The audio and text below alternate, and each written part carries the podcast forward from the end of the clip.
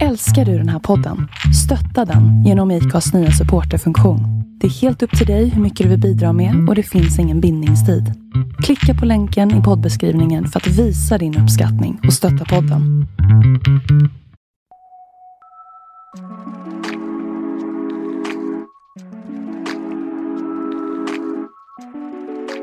Visste du att det är möjligt för vem som helst idag att starta en verksamhet och utföra injektionsbehandlingar utan någon som helst utbildning eller erfarenhet? Jag skulle alltså kunna öppna en klinik och spruta in botox och fillers på människor oavsett ålder utan att vare sig polisen eller socialstyrelsen kan göra något åt saken. Och visste du att du riskerar att inte få vård för ett misslyckat ingrepp om något skulle gå fel? I flera fall har vården meddelat de som har råkat illa ut efter ett misslyckat ingrepp att de får skylla sig själva. Så har det i alla fall varit fram till den 1 juli 2021 när den nya så kallade skönhetslagen nu träder i kraft. Och den ska vi berätta mer om idag. Folkets Domstol är en oberoende podcast med målet att informera och utbilda den stora massan om juridiska frågor som på ett eller annat sätt berör oss alla. Det kan röra sig om nya lagar, uppmärksammade rättsfall eller grundläggande förklaringar om juridik eller rättsapparaten i stort. Så nästa gång du ser en alarmerande rubrik om någonting som låter helt orimligt eller som får dig att tappa tron på det svenska rättssystemet skicka den till oss på info.folketsdomstol.se eller till vår Instagram folketsdomstol så ska vi grotta ner oss i fallet och på ett så pedagogiskt sätt som möjligt i ett framtida avsnitt förklara hur rätten har resonerat. Vår förhoppning är att en ökad förståelse och kunskap om rättssystemet kommer leda till ett mindre polariserat samhälle med större motståndskraft mot populism. Målet med den nya skönhetslagen är att reglera en kraftigt växande marknad och skönhetsingrepp. Anledningen är framförallt att motverka för den som väljer att operera sig att inte gå samma öde till mötes som exempelvis de många patienter som drabbades av en citat gravt oskicklig plastikkirurgs felaktiga näsoperationer som uppdagades av SVT 2017. Totalt fick kirurgen 66 anmälningar från läkare som träffat personer som senare sökt vård på Karolinska Universitetssjukhuset för andningssvårigheter, infektioner, nervskador och näsborrar som blivit alldeles för små. De drabbade fick i det här fallet inte bara genomlida konsekvenserna av de felaktiga ingreppen utan även det faktum att de sedan nekades vård på Karolinska Universitetssjukhuset med anledning av att de själva har valt att göra ett skönhetsingrepp. Beslutet att inte hjälpa patienterna motiverades med att de medvetet har utsatt sig för en risk, en av de saker man nu hoppas kunna undvika med den nya lagstiftningen.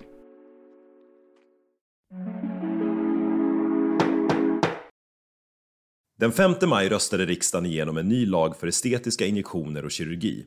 Lagen kommer träda i kraft den 1 juli 2021.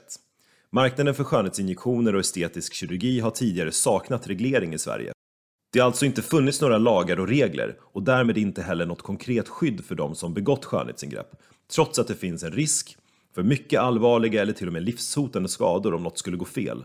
Om du blivit missnöjd med ett skönhetsingrepp har det närmaste lag man kunnat tillämpa varit vissa delar av konsumenttjänstlagen. Men generellt gäller inte den när det handlar om ingrepp på människor. Det här väcker också en intressant filosofisk fråga kring synen på skönhetsingrepp och de som frivilligt väljer att operera sig, trots att de inte har något fysiskt problem i mer klassisk mening, som en skada eller en sjukdom. Ska de då klassas som patienter eller som kunder? Den rådande situationen har hur som helst inneburit att oseriösa aktörer utan specialistkompetens kunnat utföra operationer och personer som helt saknar medicinsk utbildning har till exempel kunnat ge sprutor med fillers och botox. Skulle något gå fel under behandlingen så finns det inte heller reglerat om eller hur man som drabbad kan bli ersatt för felen. De som välkomnar den nya lagen menar att det kommer stärka patientsäkerheten, det vill säga skyddet för de som väljer att genomföra ett skönhetsingrepp. Socialminister Lena Hallengren menar att man ska känna sig trygg med att den som utför ingreppet har rätt medicinsk specialistkompetens och om något skulle gå fel så omfattas man av patientförsäkringen som man gör i annan vård. Kritik som framförs mot införandet av den nya skönhetslagen menar i första hand att det kommer utestänga kompetenta aktörer från marknaden. En av kritikerna som driver en skönhetsklinik i Stockholm där han säljer trådlyft och botox och fillerinjektioner uttalade sig i en intervju med SVT den 5 maj och menade att lagen är orättvis eftersom han anser att en legitimerad biomedicinsk analytiker som han själv har samma kompetens inom det här området som sjuksköterskor har. Konsekvensen för honom själv menar han blir att antingen lägga ner verksamheten eller anställa en sjuksköterska som han sen får lära upp. En annan kritik som framförts är att lagen inte definierar vilket specialistbevis en läkare ska ha för att utföra olika estetiska operationer. Professor Emma Hansson, som är ordförande i Svensk plastikkirurgisk förening, välkomnar förvisso en skönhetslag, men menar att utformningen av lagen gör att det är läkaren själv och verksamhetschefen som ska bedöma kompetensen i det individuella fallet, varpå det finns en risk att man kan utföra operationer som man varken har formell eller reell kompetens för, även efter att man har fått till den här nya skönhetslagen. Att det införs en lag är en konsekvens av det ökade antalet skönhetsingrepp som skett på senare år, framförallt bland yngre människor. Innan en lag tillkommer så skapas en så kallad proposition, ett förarbete till lagen eller ett lagförslag helt enkelt. I propositionen kan man utläsa mer detaljerat vad lagens syfte är och vad man vill åstadkomma med den. Dit går man till exempel om det uppstår svårigheter att tolka själva lagtexten och vi kommer förklara mer om det här i separata avsnitt om rättskällelära och hur en lag kommer till. I propositionen kan man i alla fall läsa att det övergripande målet med lagen är att stärka skyddet för individens liv och hälsa. Ett annat viktigt syfte med lagen är att barn inte ska genomgå onödiga invasiva ingrepp, till exempel få injicerat fillers i läpparna enbart i syfte att efterlikna artificiella ideal i samhället. Många menar att influencers och kändisar som själva genomgått eller gör reklam för skönhetsingrepp gjort det här mer normaliserat, kanske framför allt hos unga människor. Vissa menar också att pandemin bidragit till branschens kraftiga uppsving. Bland annat berättar Fredrik Gevalli, ordförande i Svensk förening för estetisk plastikkirurgi, att den internationella trenden med allt fler skönhetsingrepp under pandemin kan bero på att folk ser sig själva mycket oftare i videomöten. Fenomenet kallas Zoom Boom och har likheter med ett annat fenomen kallat Snapchat Euphoria, som branschen kallade det när man såg en ökad efterfrågan från människor att göra ingrepp för att mer efterlikna hur man såg ut på bilder med olika Snapchat-filter.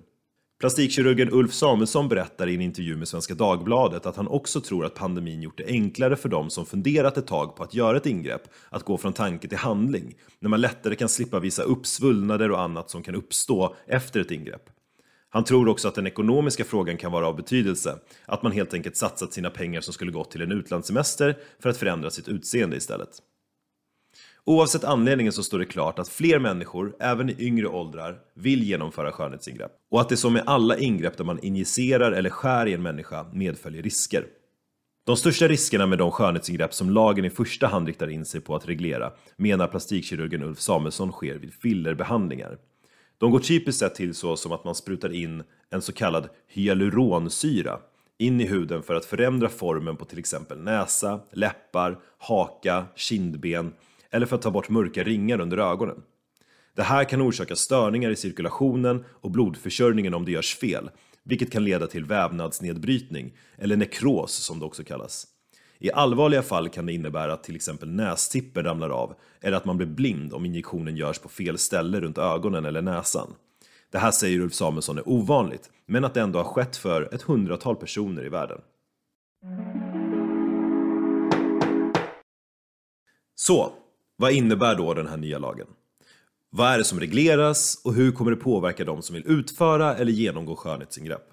Viktor, du har ju läst igenom det här lagförslaget. Kan du förklara vad den kommer innebära? Det införs kompetenskrav för den som ska utföra behandlingarna. Och då är det två typer av kompetenskrav. Det gäller dels då för estetiska kirurgiska ingrepp. Det får utföras av den som har legitimation som läkare eller tandläkare med adekvat specialistkompetens. Och för estetiska injektionsbehandlingar så är det den som har legitimation som läkare, tandläkare eller sjuksköterska som får utföra ingreppen. Så det är en skillnad beroende på om det är kirurgiska ingrepp eller om det bara är injektionsbehandlingar. Och de ska vara estetiska. Med det menar man att det finns inte någon medicinsk anledning till att utföra de här ingreppen. Och det är också så att patientskadelagen, patientdatalagen och patientsäkerhetslagen och vissa bestämmelser i hälso och sjukvårdslagen kommer att bli tillämpliga. Och det finns också krav på information som lämnas till den enskilde, det vill säga den som får ingreppet utfört på sig. Den ska också ha en viss betänketid och den ska lämna samtycke till ingreppet. Och det införs också en åldersgräns på 18 år för att få genomgå de här behandlingarna som omfattas av lagen. Och Inspektionen för vård och omsorg kommer bli ansvarig tillsynsmyndighet. Sammanfattningsvis är det åtta punkter som är viktiga att känna till. Det är kompetenskraven Och i den delen så är det att läkare, tandläkare med adekvat specialistkompetens får utföra estetiska kirurgiska ingrepp. Läkare, tandläkare eller sjuksköterska får utföra estetiska injektionsbehandlingar. Tillämpliga lagar förutom den nya lagen blir också patientskadelagen, patientdatalagen, patientsäkerhetslagen och i viss mån hälso och sjukvårdslagen. Det införs krav på obligatorisk försäkring för den som utför.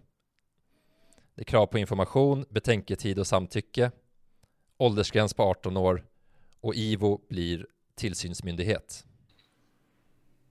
Tack Viktor. Och skulle du kunna göra så att eh, du kan förklara lite det här med IVO? Vad, vad, är det för de som inte förstår riktigt hur det funkar med en tillsynsmyndighet och vad är deras uppgift? IVO är ju Inspektionen för vård och omsorg och de ansvarar ju för tillsyn i det medicinska spektrat som det är idag. Så därför tror man inte att det här kommer bli en helt ny uppgift för dem eller att det blir någonting som de inte kan hantera eftersom de har erfarenhet av att hantera eh, den här typen av tillsyn. Och en tillsynsmyndighet ska kontrollera verksamheter genom allmänna kontroller eller om de har fått något klagomål om en viss verksamhet. Och det de gör är att de gör egna riskbedömningar och det här ska bidra till säker vård, omsorg av god kvalitet. Och det de kan göra är att om de upptäcker att det är någonting som eh, någon utförare som gör någonting som inte överensstämmer med vad de får göra och det de kan göra är att utfärda förelägganden vilket är en form av åtgärd som ställer krav på en viss utförare att göra någonting. Till exempel om IVO har upptäckt några brister så måste utföraren åtgärda de bristerna eh, om de får ett sådant föreläggande från IVO. Och om de inte följer förelägganden så kan IVO även besluta att helt eller delvis förbjuda verksamheter. Så det är väldigt viktigt med en tillsynsmyndighet. För det kommer bidra till att det ställs högre krav på utförarna att följa lagen. Perfekt. Du nämner ju det här med 18-årsgräns. Många kliniker har ju redan idag avstått från att göra ingrepp på personer som är under 18 år utan målsmans samtycke. Hur kommer det sig om det inte finns reglerat i lag? Jag skulle säga att det är vad man skulle kunna kalla en självreglering och det är någonting som olika branscher ibland gör. Det kan vara branschorganisationer som rekommenderar utförare att bete sig på ett visst sätt för att branschen ska uppfattas som seriös och ansvarstagande. Och det här är en sån typ av självreglering. Så även om det inte funnits några lagar på att man måste vara 18 år för att få genomföra ett sånt här ingrepp så um, är det här ett sätt för dem att, att framstå som seriösa och ansvarstagande. Men det har inte funnits några rättsliga konsekvenser för en utförare om de skulle ha utfört ingrepp på någon som har varit under 18 år. Och hur funkar det här med betänketid och samtycke som du nämner? Är det inte så att man samtycker genom att man eh, så att säga beställer själva ingreppet? Det det handlar om är att man ska undvika att göra en sorts impulshandling att förändra sitt utseende. Och man har själv skrivit i den här propositionen att det är inte samma sak att söka information själv på nätet som att i samtal med en ansvarig behandlare bli informerad om de risker som är förknippade med en behandling och även huruvida en individs önskemål om det förväntade resultatet är realistiska. Så att i första hand så kommer de här utförarna behöva informera väldigt tydligt hur det här ingreppet kommer gå till, vad det finns för risker och även ett förväntat utfall. Och efter att man har fått den informationen så ska det följas av ett, en betänketid. Och hur lång den betänketiden är, det är inte fastställt idag utan det kan komma att utvecklas med tiden. Men det kan röra sig om, om ett par dagar för ett enklare ingrepp eller längre tid för något mer avancerat. Och vad gäller det här med samtycke så kan jag tycka att det är lite knepigt att förstå för det är egentligen riktat mot utföraren och det handlar om vilken information som lämnas.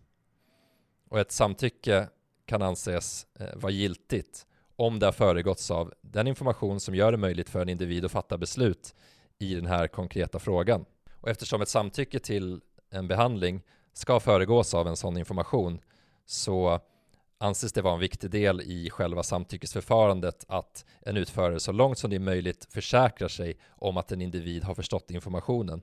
För samtycket får inte ges förrän betänketiden har gått ut.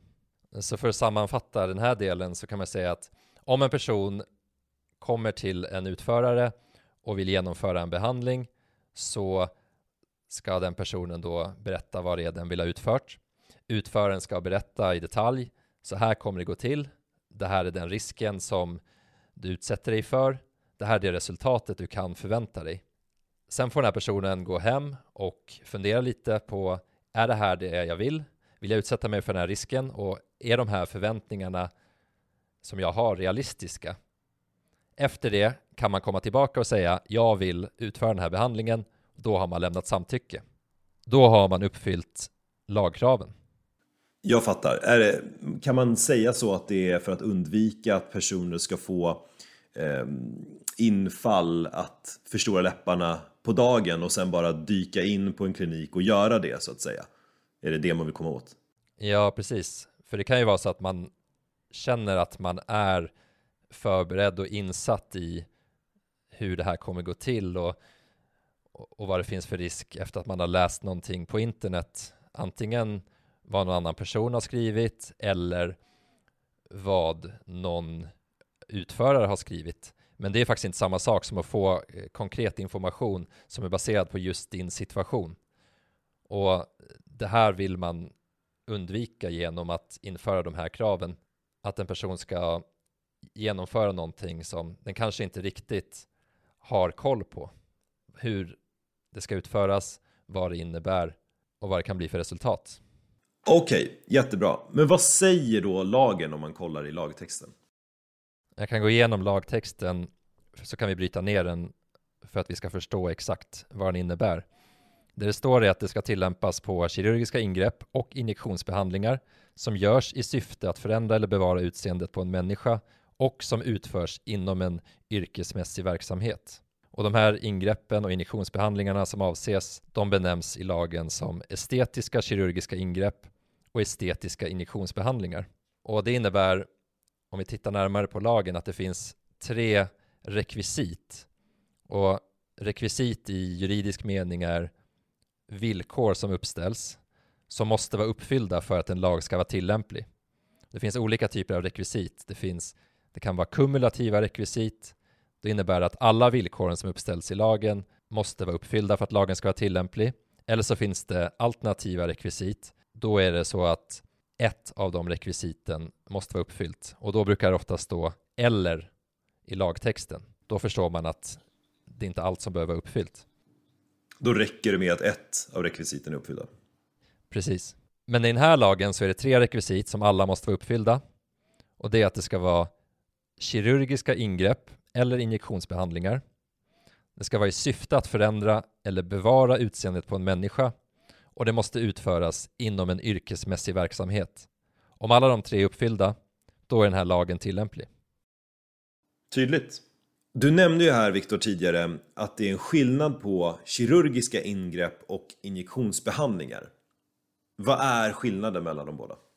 Ja, anledningen till att det är en skillnad är att det ställs olika krav på kompetensen hos utföraren. Så därför har man behövt ha två olika begrepp.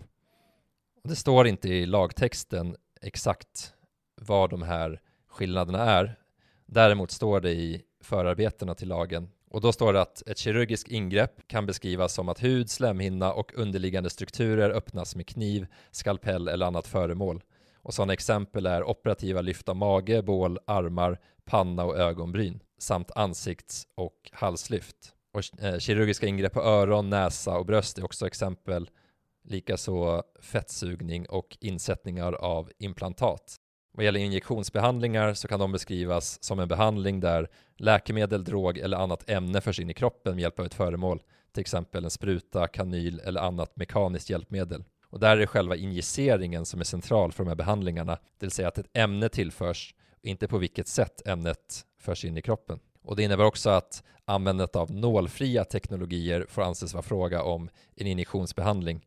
Men en piercing omfattas inte av något av de här begreppen för det är endast en genomträngning av huden. Så det vi, det vi får reda på här är ju i, i lagtexten eller i förarbetet snarare så är lagstiftaren väldigt noga med att berätta i vilka fall de här olika delarna är tillämpliga och vilka som berör kirurgiska ingrepp och vilka som berör injektionsbehandlingar. Är det, är det korrekt uppfattat? Ja, det är det. Det som inte nämns är ju exakt vilken typ av behandling som omfattas och det kan vi återkomma till lite senare varför det inte görs. Du nämnde här tidigare att den här lagen reglerar kirurgiska ingrepp och injektionsbehandlingar som görs i syfte att förändra eller bevara utseendet hos en människa. Vad betyder det? Ja, ordet syfte är viktigt här för att det är så att om syftet är att förändra eller bevara det som utåt sett syns på en person är lagen tillämplig. Och det innebär att om det skulle vara så att efter genomförd behandling det inte visar på några synbara förändringar så spelar det ingen roll för att det är själva syftet som är avgörande. Det vill säga, vad var det man ville uppnå med den här behandlingen? Och den frågan om vad ett ingrepp eller en behandling syftar till kommer att avgöras utifrån utförarens och den behandlades perspektiv. Och med uttrycket förändra så menar man att syftet ska vara att något i utseendet ändras med åtgärden. Det kan till exempel vara att det ska förhindra rynkbildning, men det behöver inte vara en synlig förändring i direkt anslutning till den estetiska behandlingen. Det tredje villkoret som du nämnde här i lagen är ju att det kirurgiska ingreppet eller injektionsbehandlingen ska ske inom en yrkesmässig verksamhet för att omfattas av den här nya lagen. Kan du berätta lite mer om vad det innebär?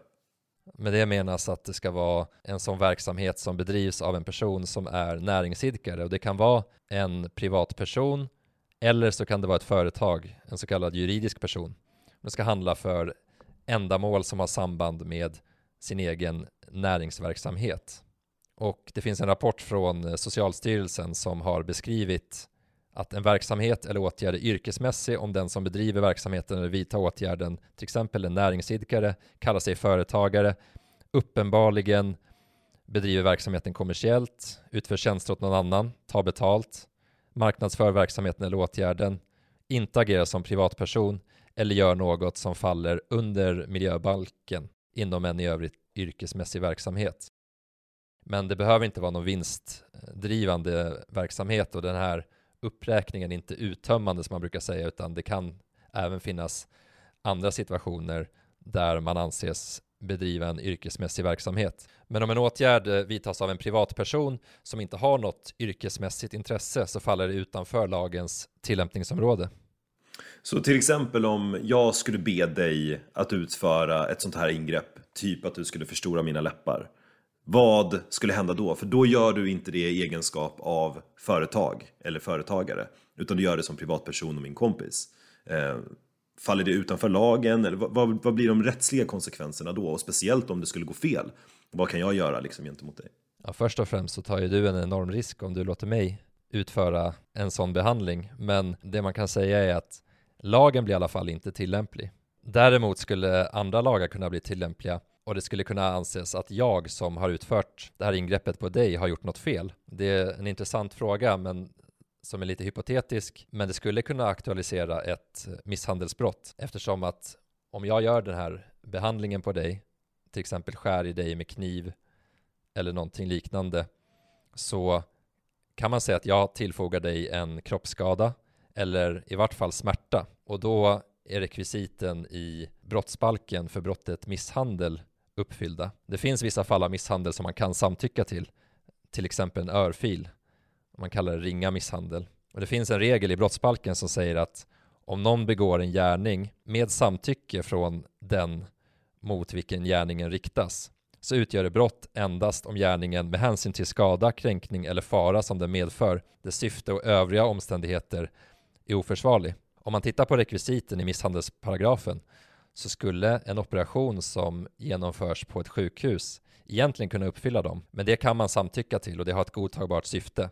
Och så är det också med sportutövning där man kan drabbas av hårda tacklingar inom till exempel fotboll eller hockey och även om man får en tatuering utförd på sig. Och det här kommer vi återkomma till vi, ehm, i, i framtida avsnitt. Det här, vad kan man samtycka till för någonting och hur fungerar det att man till exempel kan anordna boxningsfighter eller UFC-galor till exempel eh, utan att drabbas då av misshandelsdomar till höger och vänster. Men visst finns det något intressant rättsfall också här, eh, Viktor, som berör det här?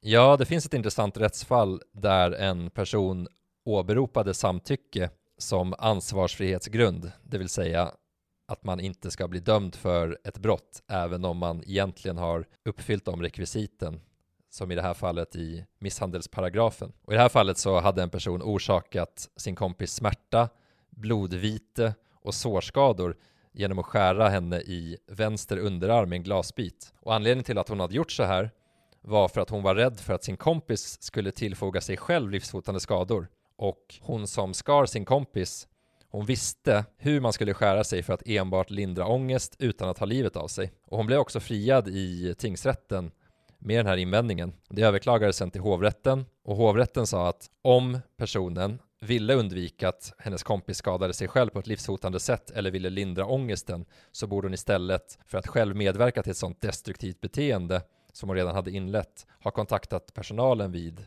det ungdomshemmet de bodde på och se till att hon fick professionell hjälp i anledning av de akuta psykiska problemen. Därför ansågs inte gärningen försvarlig på det sättet som föreskrivs i den lagen som jag läste upp tidigare. Och då dömdes hon för misshandel. Ja, det är spännande. Men om vi går tillbaka till skönhetslagen då lite mer konkret. Vem får utföra de här ingreppen eller behandlingarna som vi har pratat om tidigare i lagen? Som vi nämnde tidigare så får estetiska kirurgiska ingrepp utföras av den som är legitimerad läkare eller legitimerad tandläkare och har bevis om specialistkompetens inom en för ingreppet adekvat specialitet. Och de estetiska injektionsbehandlingarna får utföras av den som har legitimation som läkare, tandläkare eller sjuksköterska. Och nu kommer något som är intressant, som också står i lagen, och det är att regeringen får meddela föreskrifter om att även annan legitimerad hälso och sjukvårdspersonal får utföra vissa estetiska ingrepp och vissa estetiska injektionsbehandlingar samt under vilka förutsättningar det får göras. Och att en läkare eller tandläkare ska ha specialistkompetens inom, som man skriver, en för ingreppet adekvat specialitet.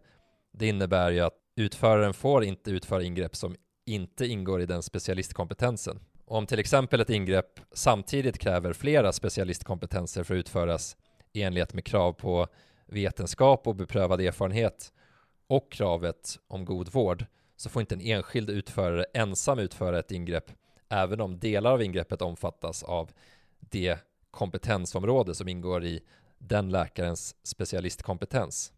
Okej, okay. vi, vi hörde ju tidigare här att det finns viss kritik mot den här lagen utifrån den här personen som var näringsidkare och som kände att den har den kompetensen som behövs men som i och med det nya lagförslaget kommer behöva anställa en sjuksköterska som kanske eller kanske inte har den här kompetensen som behövs och som den sen måste lära upp.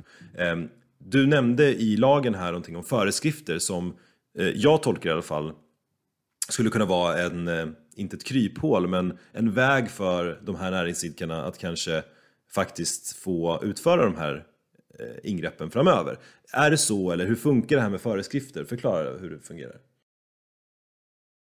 Skönhetsbranschen så finns det ett väldigt stort antal estetiska injektionsbehandlingar och vissa av de här injektionsbehandlingarna är att betrakta som mindre riskfyllda och därför kan de utföras av exempelvis hudterapeuter eller annan utbildad personal. Och det är inte heller motiverat att sådana här mindre riskfyllda injektionsbehandlingar ska kunna tillämpa allmänna bestämmelser i hälso och sjukvården. Och därför har man sagt att den här lagstiftningen ska inte vara för långtgående och den ska inte vara för ingripande i en enskilds rätt att bedriva näringsverksamhet så bör vissa injektionsbehandlingar undantas från lagens tillämpningsområde. Och därför har man föreslagit att det ska införas ett bemyndigande om att regeringen ska få meddela föreskrifter om att vissa injektionsbehandlingar och de har bedömt att det är ett bra sätt att göra det på att det står inte i lagen, men det står att man kan meddela föreskrifter i ett senare skede. Och anledningen till det är att då kan man anpassa det här regelverket utifrån förändringar som sker inom skönhetsbranschen eftersom att det tillkommer nya injektionsbehandlingar eh, i estetiskt syfte löpande. Och de kan vara mer eller mindre riskfyllda för enskildas liv och hälsa. Och därför får man utvärdera det efterhand. Så hur ska de som riskerar att behöva lägga ner sin verksamhet agera nu från första juli om de har den här kompetensen redan eller, eller riskerar att tappa möjligheten att bedriva sin affärsverksamhet? Om man inte har rätt kompetens och den behandling som man vill utföra faller in under lagens rekvisit, då kan man inte bedriva den här verksamheten från eh, första juli. Men som jag nämnde så, så kommer det kunna meddelas två typer av föreskrifter som är relevanta för de här utförarna. Dels då att sådana behandlingar som inte nödvändigtvis kräver någon medicinsk kompetens kommer att kunna undantas från lagens tillämpningsområde. Och vilka är det? De injektionsbehandlingarna som kommer kunna undantas från tillämpningsområdet kommer att kunna utföras av även andra än läkare, tandläkare och sjuksköterskor. Och även att annan legitimerad hälso och sjukvårdspersonal kan komma att få utföra vissa estetiska kirurgiska ingrepp. Men man kan inte säga någonting om vilka det kommer vara idag, utan det kommer att meddelas i ett senare skede. Du nämnde att det finns en otrolig massa eh, sådana här skönhetsingrepp. Eh, men det är ju bara ett fåtal ändå som nämns i lagen. Varför väljer man att inte vara superspecifik när det kommer till vad det är som gäller för vilka behandlingar? Jag tror att man har valt att vara bred när man skrivit den här lagen, som man ofta är, just för att det här är ett oreglerat område sedan tidigare och därför har man velat fånga upp så mycket som möjligt i det här skedet. Alla behandlingar som kan betraktas som riskfyllda och som kräver någon form av specialistkompetens. Men med det sagt så har man ju öppnat upp redan nu för att kunna undanta vissa behandlingar från lagen. Och man har också kunnat göra undantag för vilka som får utföra de här behandlingarna. Och det är så att det är väldigt många olika sorters behandlingar som vi har nämnt. Och det finns en marknad som kännetecknas av en innovation av behandlingar och de introduceras för olika estetiska ändamål. Så de injektionsbehandlingar som har nämnts i propositionen som vi har pratat om det är inte en uttömmande lista av alla behandlingar som faller inom ramen vad en injektionsbehandling är. Och man har också ansett att det inte kan uteslutas att det relativt snart kan uppkomma nya behandlingar som kan möjliggöra för utförare med speciella metoder och tekniker att injicera ämnen som innebär mindre risk för att en skada uppstår för den enskilde. Och om det är så att de här nya behandlingarna eh, bedöms som mindre riskfyllda så kan man undanta dem från lagens tillämpningsområde. Och det kan också bli så att det uppkommer mindre estetiska kirurgiska ingrepp som kan bedömas kunna utföras säkert av läkare utan specialistkompetens. Då har vi fått en förståelse för hur lagen har kommit till, varför den har kommit till och hur den är utformad. Och vi har varit inne och snuddat lite på också att det kan bli konsekvenser. Men vilka konsekvenser får den här lagen från det att den börjar gälla nu då, första juli? Man kan kolla på de här konsekvenserna ur tre olika perspektiv egentligen. Det är en konsekvens för utförare. Det är en konsekvens för de enskilda som får den här behandlingen. Och så finns det också som alltid samhällskonsekvenser. Och de konsekvenserna som är tydliga för enskilda är att det ställs krav på att man ska ha en viss betänketid så att man inte kan genomföra några impulsbehandlingar. Ett samtycke som hänger ihop. Det blir en 18-årsgräns. Det kommer också ske under mer kontrollerade former med anledning av att man vet att de som utför behandlingarna har rätt kompetens och det finns också någon som utövar tillsyn, alltså IVO. Och man kommer ha större möjlighet till ersättning om det blir något fel eftersom det kommer ställas krav på att utföraren har en försäkring och även andra lagar blir tillämpliga såsom patientskadelagen och så vidare. Ett problem är att det kommer antagligen att bli dyrare att köpa de här behandlingarna och då kommer vi in på konsekvenserna för utförarna. För de måste ju följa ännu fler regler.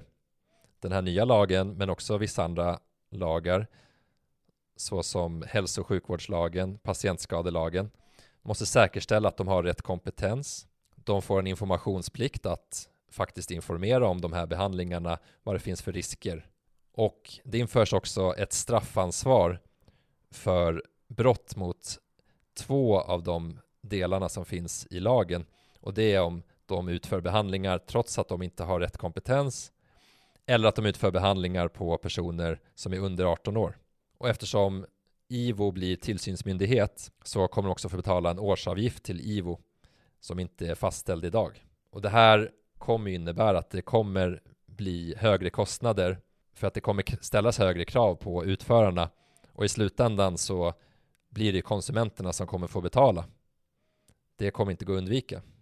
Och du nämnde det här med straffansvar för brott mot eh, bland annat att man inte har rätt kompetens och att man eh, opererar någon som är under 18 år. Vad för, vad för straffansvar eller vad för konsekvenser rent rättsligt får man då? Eller riskerar man få om man begår ett brott mot det här? Vad gäller straffansvaret så innebär det att utförarna kommer behöva vara väldigt noggranna. Dels att de kontrollerar hur gammal personen de utför ett ingrepp på är och dels att de faktiskt har de kompetenserna som krävs för att utföra ett visst ingrepp. Så bryter man mot reglerna om kompetenskrav eller att utföra behandling på någon som är under 18 år så riskerar man böter eller fängelse i högst sex månader. Och det är alltså utföraren som riskerar det. Det är inte så att den enskilde riskerar något straff. Och vad gäller det tredje perspektivet, vilket är samhällsperspektivet, så har det gjorts mycket utredningar om hur har det drabbat samhället att folk har genomfört behandlingar hos utförare som har saknat rätt kompetens och vad har det medfört för kostnader? Och det man har konstaterat är att, att det förekommer felbehandlingar och komplikationer. Och enligt Socialstyrelsens beräkningar i rapporten om estetiska behandlingar som kräver medicinsk kompetens och kan innebära betydande hälsorisker från 2018 så har en del av de samhällsekonomiska kostnaderna som en följd uppgått till cirka 5 miljoner per år. Och de kostnaderna avser läkemedel, arbetstid med mera för hälso och sjukvårdspersonal vid öppenvård respektive dagkirurgi samt sjukskrivningar för personer som vänt sig till hälso och sjukvården. Men det är endast cirka 5% som har beräknats uppsöka hälso och sjukvård för felbehandlingar och komplikationer och det motsvarar bara 125 personer per år. Och enligt Konsumentverket så har andelen felbehandlingar uppskattats till cirka 11% vid kirurgiska ingrepp och injektioner för rynkor och läppförstoring, vilket motsvarar 7500 personer per år. Och av de personerna så har 46% uppsökt behandlaren och 24% uppsökt andra än behandlaren eller hälso och sjukvården. Och ungefär 25% har inte uppsökt någon alls. Så kostnaderna för de här personerna som blir felbehandlade eller får komplikationer av sin behandling och som vänder sig till andra än hälso och sjukvården har uppskattats till närmare 20 miljoner per år. Men det man skriver också är att man är medveten om att det har saknats tillräckligt underlag för att få en exakt uppfattning om förekomsten av komplikationer och att det kan finnas ett mörkertal genom att personer som genomgår de här behandlingarna inte har någon kännedom om vad de ska vända sig till för att anmäla en skada. Och en annan uppgift från myndigheter och aktörer inom branschen kan en annan orsak vara att individer inte anmäler på grund av att de känner skam över att de själva utsatt sig för en risk. Och det har också förekommit att vissa kunder får skriva på papper om ansvarsfrihet vid skada. Och det har i sin tur gjort att den här personen uppfattar det som att det är ett hinder för att sedan anmäla utföraren och man bedömer att kostnaderna till följd av felbehandlingar sannolikt kommer öka om ingen reglering av marknaden för estetiska behandlingar sker. Och det har skett en kraftig tillväxt av företag som enligt Statistiska centralbyråns statistik går under beteckningar skönhetssalonger och specialistmottagningar under den senaste tioårsperioden. Och antal företag har ökat med mer än 150% och nettoomsättningen med drygt 200%. Så det finns en fortsatt ökad efterfrågan av skönhetsbehandlingar. Så en, en sammanlagd effekt av de här förslagen som har presenterats beräknas minska kostnaderna för felbehandlingar. Okej, men avslutningsvis, vad innebär det här rent konkret för mig om jag skulle vilja göra ett skönhetsingrepp efter första juli jämfört med idag? Förhoppningsvis så kommer det leda till en ökad patientsäkerhet för dig, en ökad trygghet och att du undviker en skada som hade kunnat leda till onödigt lidande i form av till exempel sjukskrivningar eller nedsatt livskvalitet. Och du kommer också kunna få lättare att få ersättning vid ett fel eftersom att patientskadelagen blir tillämplig så skulle du kunna få ersättning utan att väcka talan vid en domstol. Och vi vet alla att väcka talan vid en domstol är problematiskt för en enskild för att det kostar sannolikt mycket pengar och tar väldigt lång tid. Så det är en väldigt stor skillnad. Men det är också så att det kommer sannolikt innebära högre kostnader för utförarna och det kommer också innebära ökade priser för dig som vill köpa en sån här tjänst. Och för personer under 18 år så kommer du inte längre kunna göra det. Även om du har målsmans samtycke. Och på något sätt så kan man ju säga att det bidrar till att skyddet för dem stärks i ännu högre grad än övriga enskilda. Det är i alla fall vad man skriver i lagförslaget. Men det är också viktigt att veta att även i fortsättningen kommer det vara möjligt att få så kallad korrigerande kirurgi utförd på medicinsk indikation. Det vill säga inte enbart av estetiska syften. Så det faller utanför den här lagen och det kommer inte beröras av den föreslagna åldersgränsen. Och det skulle kunna vara till exempel om man har drabbats av en, en skada och eh, i och med det behöver göra en kirurgisk, ett kirurgiskt ingrepp eller en estetiskt, ett estetiskt ingrepp. Ja, exakt.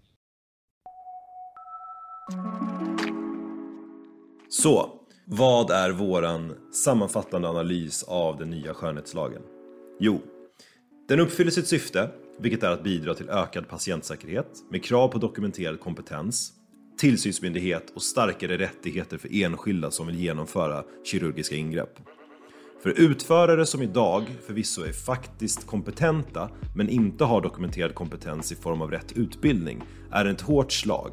Men med tiden så kan de ändå få tillåtelse att utföra vissa behandlingar. Konsekvenserna av bristande patientsäkerhet är att risken för skador ökar i samband med de aktuella behandlingarna. En rimlig fråga att ställa sig är huruvida det här problemet är av sån omfattning att det motiverar att en åtgärd vidtas, det vill säga att vi inför en ny lag. I en problemanalys är omfattningen att problemet är en central del eftersom åtgärder som vidtas bör vara proportionerliga i förhållande till det identifierade problemet. I det här fallet, hur stor skada lider samhället och enskilda av att det inte finns någon reglering när det kommer till skönhetsingrepp idag? I vilken utsträckning skador uppkommer i samband med estetiska kirurgiska ingrepp och estetiska injektionsbehandlingar är svårt att utläsa.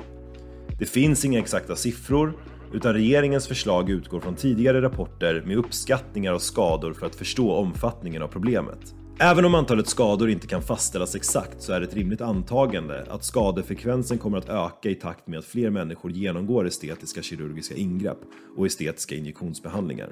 Trots att kraven som uppställts i den föreslagna lagen innebär en viss omställning för befintliga verksamheter samt ökade kostnader för både utförare och i slutändan därmed den som vill göra ingreppet påverkas hela branschen i, enligt lagförslaget, positiv riktning då lagen väntas leda till förbättrade förutsättningar för en väl fungerande marknad. Du har lyssnat på Folkets Domstol. Podden görs av två jurister med målet att sprida vår kunskap och erfarenhet från juristprogrammet och arbetslivet till så många som möjligt. På så sätt hoppas vi kunna uppnå en mer sansad debatt baserad på kunskap istället för känsloargument, vilket i sin tur borde leda till ett mer rättssäkert samhälle för oss alla. På vår Instagram och Facebook-sida kommer vi löpande lägga ut innehåll som berör ämnen som vi pratar om i podden eller annan juridisk allmänbildning. Där finns det också möjlighet att diskutera och ta kontakt med oss om det är något ni önskar få förklarat eller vill att vi ska ta upp i framtiden.